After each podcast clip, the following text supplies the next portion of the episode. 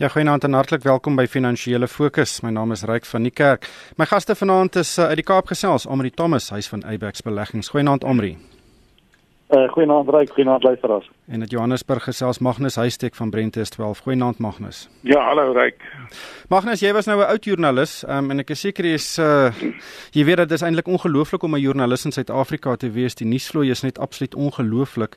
En hierdie week uh, het ek weer iets gesien wat ek nog nooit gesien het in 20 jaar in die bedryf en jy's natuurlik al baie langer daar of was daar. Ehm um, en dit is hierdie bizarre toneel wat in ons aandelemarkte uitgespeel het met beleggers wat amper paniekerig opgetree het en aandele verkoop het omdat 'n uh, eh, in maatskappye wat hulle dink uh die onderwerp van 'n verslag van Viceroy Research kan wees. Nou dis omtrent 'n dis 'n um, onderneming in Amerika waarvan niemand weet nie. Hulle weet nie eens wie die ontleeders is daar nie. Um hulle het 'n verslag bekend gemaak wat 'n dag nadat uh, Steinhoff uh, erken het hulle het probleme uh waarvan die uh, ongeruimthede blootgelê het. Um maar wat hier gebeur het hierdie week is ek dink dis amper bizar. Um weet aandele soos Aspen het met meer as 20% geval. Groot maatskappye soos Resilient Green Bay Fortress, Nepi Rockcastle, groot eiendomsmaatskappye het ook met meer as 20% geval op hierdie gerugte.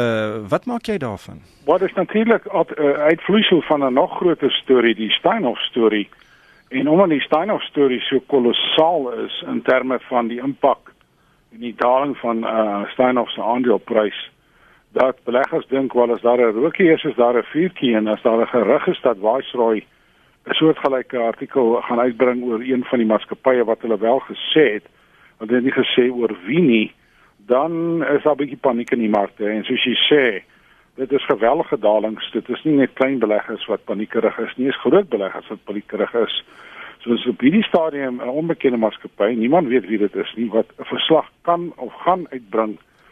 En ons weet ook nie oor watter maatskappy nie. Ons dink dit is 'n uh, maatskappy wat grootliks uitgebrei na die buiteland die afgelope 15 tot 20 jaar. En nou raai almal net en dit is nou nou spring die die die die die gunsteling van een maatskappy na die ander. Redelik redelik bizar soos jy sê. Hmm.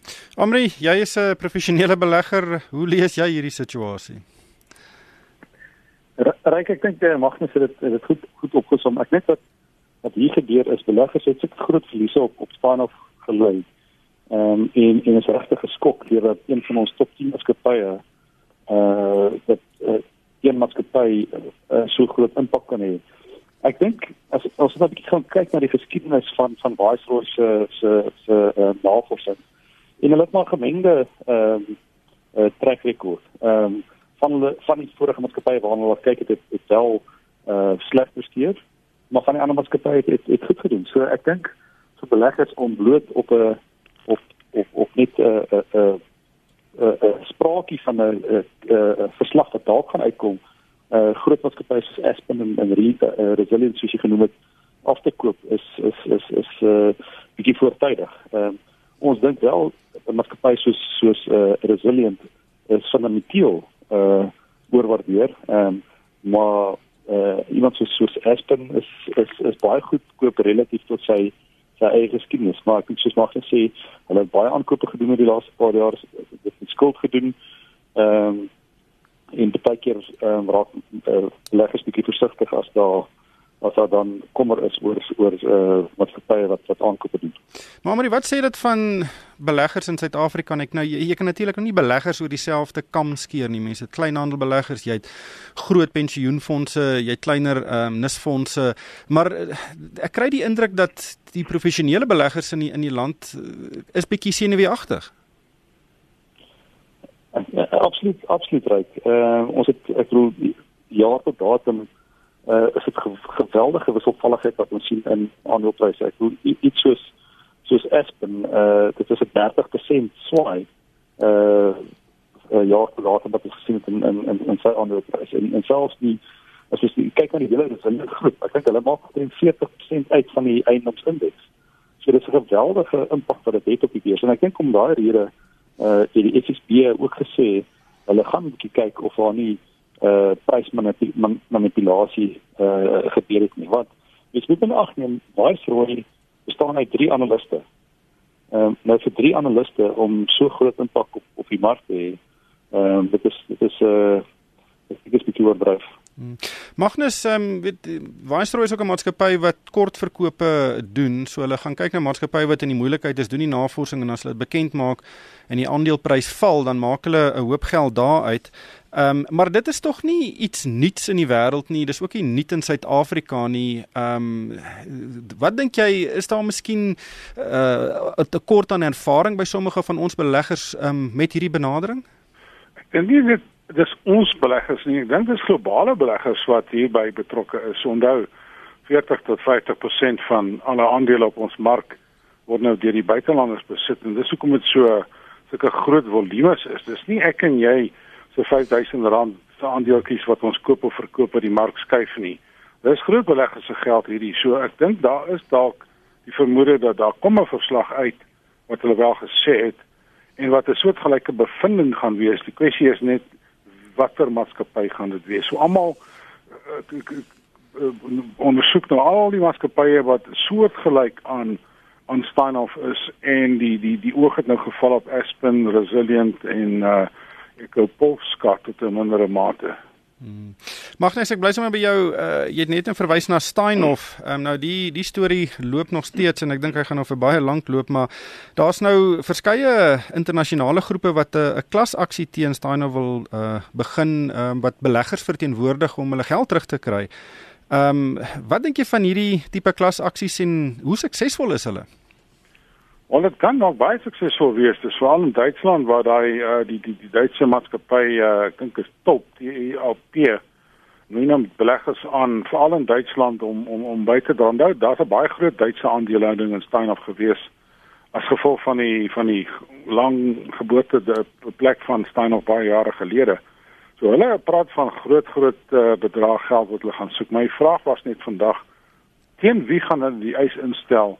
Uh gaan dit teen die die die die direksie wees teen die die spelers betrokke by die uh uh, uh skema of gaan dit teen die maatskappy self wees? So ek is nou nie presies seker teen wie die aksie gaan wees nie maar hier is werklik waar baie langdurige probleme vir die vir die rolspelers in Stein of die Business Times het ook vandag berig van uh mense aangehaal wat praat van tronkstaf vir die direkteure en as ons as dit korrek is dan praat ons van baie baie hoogs aangeskrewe direkteure of, of direksielede in Suid-Afrika wat uh, nou ernstige ernstige probleme het. Uh, so hierdie storie gaan ons nog oor baie lank praat. Amri, hou julle aandele in Steinhoff en as julle het, oorweeg julle om by so 'n uh, regsaksie aan te sluit? Ryk ons hou aandele in, in Steinhoff. Ehm um, ek dink wat dit moeilik maak is is jy jy is 'n aandeelhouer eh uh, dag voor die maatskappy, so jy dag voor eintlik jouself want jy is tog die besitter van van die van die maatskappy. So dit is 'n dit is nogal 'n snaakse snaakse konsep. Ons het nog nie uh, definitief uh, besluit of ons gaan deelneem in in die klasaksie of of of nie. Dis 'n dis 'n Hollandse eh uh, aandelegroep. Hulle het in die verlede redelike sukses behaal met van uh, klasaksies uh, met terme van oliemaatskappye met die die olielekke dan as jy nou dink aan iets soos iemand soos Volkswagen met die emissie skandaal. Ehm um, en hulle hulle vra 'n kommissie van 9% op enige bedrag wat hulle wat hulle eh uh, inkry. So dis nie 'n baie groot uh, prys wat ons betaal nie en ook in ag geneem dit is 'n dit is 'n nuwens uh, winsmakende maatskappy. So dit is 'n openbare belang. So ek dink van 'n beleggersoogpunt en van 'n aandeelhouersoogpunt is dit amper uh, jy kan nie baie verloor nie want as hulle nou iets kry, kry jy 'n deeltjie terug en jy uh betaal jy 9% oor wat dan gebruik word om toekomstige uh aksies te finansier. Ehm uh, maar as hulle niks as as hulle niks kry nie, dan betaal dan kos dit ook niks. So ek dink van 'n dit dit is wat dit so aantreklik maak en dit dis hoekom daar klaar 'n paar aandeelhouers uh, definitief uh, besluit hulle gaan deelneem daaraan. Maar Suid-Afrikaanse aandeelhouers kan ook daaraan deelneem, nie waar nie? Presies ja, hulle kan. Dit is net administratiewe proses. Uh, wie moet dit betaal? Magnus het nou verwys daarna, maar is dit die direksie wat daarvoor moet betaal? Is dit die maatskappy wat daarvoor moet betaal? Want ons praat van 'n hele paar meer as 100 miljard rand. Ryk ek dink hulle hulle probeer al die partye betrek wat hulle dink uh, hulle van bedrag sal kry, maar dit uh, uh, volgens my kennis is dit is dit meestal die maatskappye wat hulle wat hulle aanspreek. Ek dink dat dit in hierdie geval anders maak is dat daar is sprake van uh rekenkundige uh uh foute wat gemaak is in in in uh misklassifikasies wat wat plaasvind en ek dink as dit met drog uh, gepaard gaan sal direkteure wat ook uh kennis daarvan gedra het definitief ook deel wees van die van die klasaksie teen uh uh wat ingeneem word. Hmm, mag net seker die enigste persoon wat 'n cheque kan skryf vir amper daai bedrag is uh, Christo Wiese. Nie meer nie, nie meer ja. nie. Ehm uh, mense wil nou nie sinies wees nie, maar die vraag is 'n goeie vraag. Wie gaan betaal? Uh, is dit die, al die direksielede, is dit die maatskappy, is dit hulle versekerings?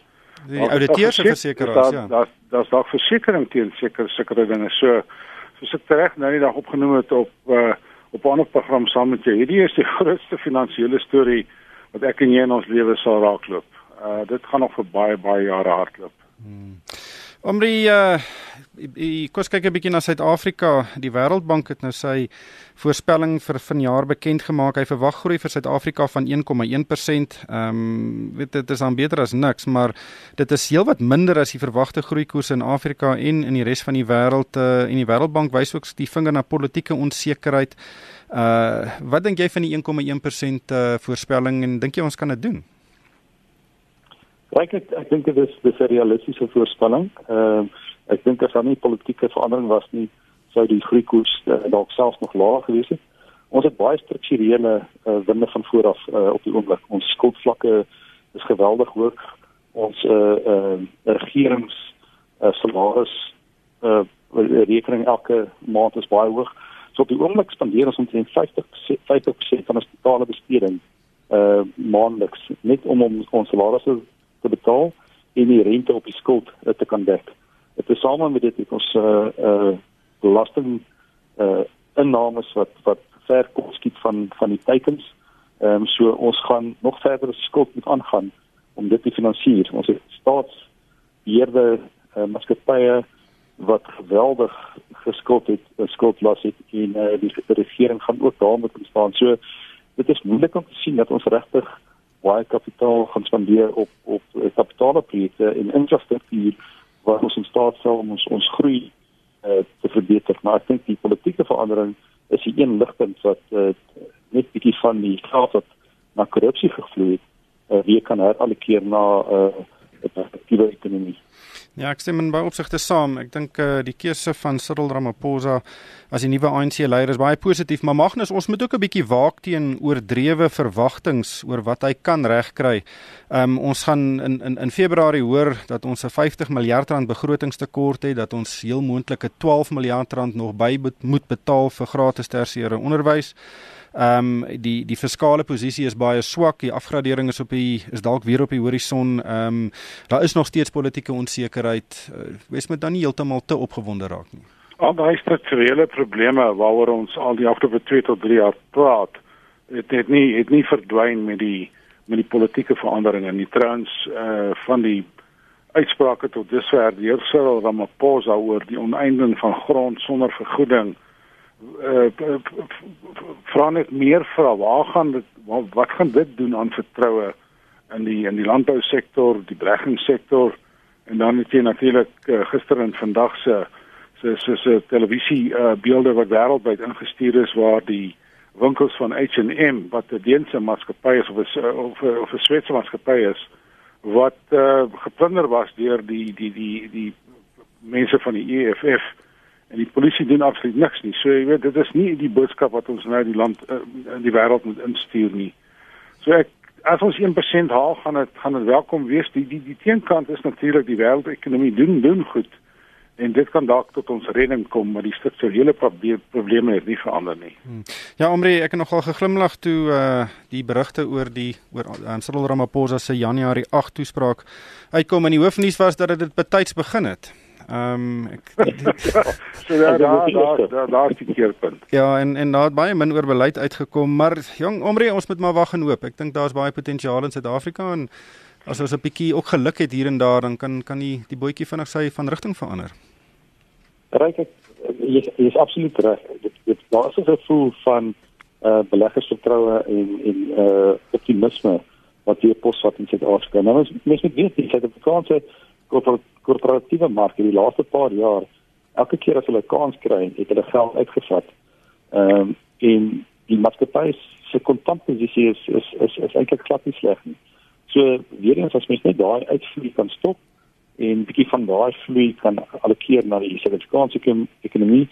So as daar bietjie beleggersekerheid geskep kan word in Suid-Afrika, ons land het geweldige potensiaal en uh, en ek dink mens moet vir vir uh uh of uh, meer op posa 'n kans gee. Ek dink die die die, die soos mag net ook sê die die kommer oor grondonteiening is is 'n werklike kommer, maar sover lyk dit of dit meer politieke retoriek is as wat daar werklik iets van gaan kom. Uh, hy het gesê dit gaan volgens die konstitusie gedoen moet word en dat nie konstitusie van verander nie. So ek dink werklik net grondvervreemding uh van produktiewe grond gaan gaan gaan moeilik geskied. Ja.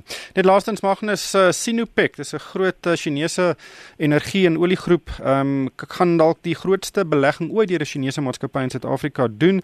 Die transaksie is omtrent 12 miljard rand uh en hulle gaan basies die Keltex groep in Suid-Afrika koop as die bates van Chevron uh die Suid-Suidelike Afrika bates van die internasionale Chevron groep. Ehm um, en hulle gaan ook die Keltex raffinaderry daar in die Kaap in Kaapstad opgegradeer met 'n bykomende 6 miljard rand. Uh, dis 'n positiewe aankondiging vroeg in die jaar en wys jy dat nie alle beleggers eintlik uh, weet hulle neus vir Suid-Afrika optrek nie. Dit is wel korrek maar nou iemand koop en iemand verkoop. Uh Chevron verkoop. So hulle onttrek uit Suid-Afrika uit. Maar dit is wel welkom dat as Sinopec uh die aanlegte koop en dan meer geld insit. Dit is wanneer ek sou sê uh dit is 'n nuwe by, of 'n bykomende belegging, maar as niks gedoen word nie, is dit 'n neutrale transaksie. Sinopec betaal 6 miljard dollar en en Chevron vat 6 miljard dollar. Eh uh, so dis uh, neutraal wat wat die betalingsbalans betref, maar dit is welkom en nie maar dit dui ook aan op die die die, die klemverskywing en wie die groot beleggers gaan wees uh in die toekoms. Die Amerikaners trek uit en die Chinese kom in. Ja, Omri Glencore was ook een van die spelers wat uh meeding om daai uh bates te koop. Die transaksie, hulle transaksies nog heeltemal van die tafel af nie, maar uh, ten minste het hulle ook belang gestel en wel, is daar twee groot internasionale groepe wat belangstel in daai bates.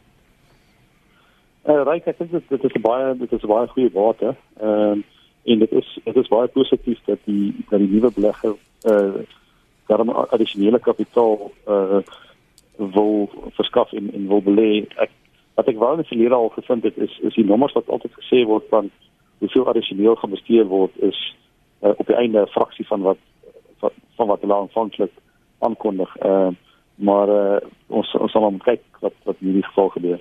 Ja, ons sal maar moet kyk. Maar ongelukkig het die tyd ons ingehaal. Baie dankie aan Amri Thomas van Eyebax Beleggings en Magnus Huystek van Brentest 12 en van myself Ryk van die Kerk. Dankie vir die saamluister en ek hoop almal het 'n winsgewende week.